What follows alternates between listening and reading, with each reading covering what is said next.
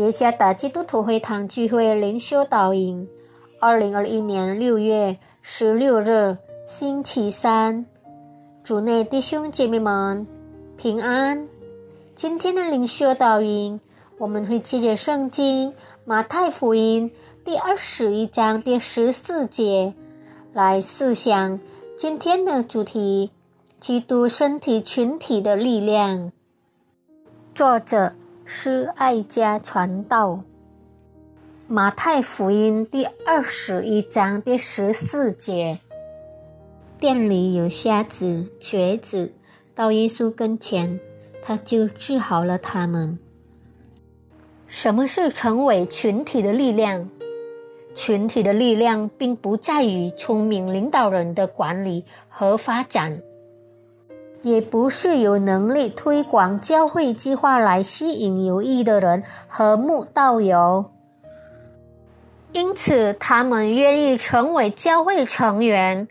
使人蒙福成功的群体是一个健康的群体，患病或不健康的群体必须得到医治。一个健康的群体就是有基督存在的群体。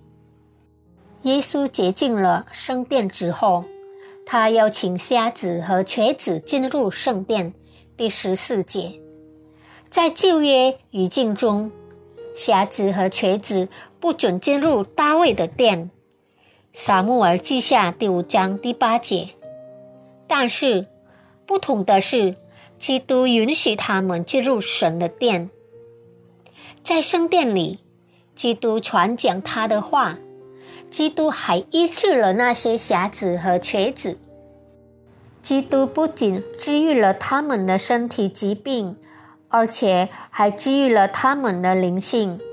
治愈是他们祈祷的答复。在神的圣殿，基督向那些寻求他的全辈人显出他的恩典。基督在圣殿中的同在带来巨大的力量。可以帮助所有来到他身边的人，借着基督的同在，信徒群体有能力在认识上帝的事上更成长。同时，犹太宗教领袖无法兼顾群体，因为他们只单顾自己。基督来是为了带信徒的群体，包括现今的我们在内，带回归给上帝。因这基督在我们群体中的同在，给我们特别的力量来成长，来认识上帝。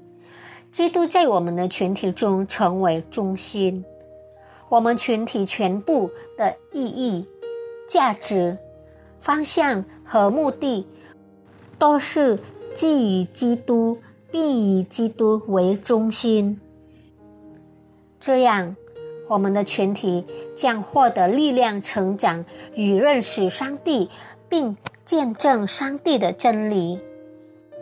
基督身体群体的力量不在于你我，而在于基督。愿上帝赐福大家。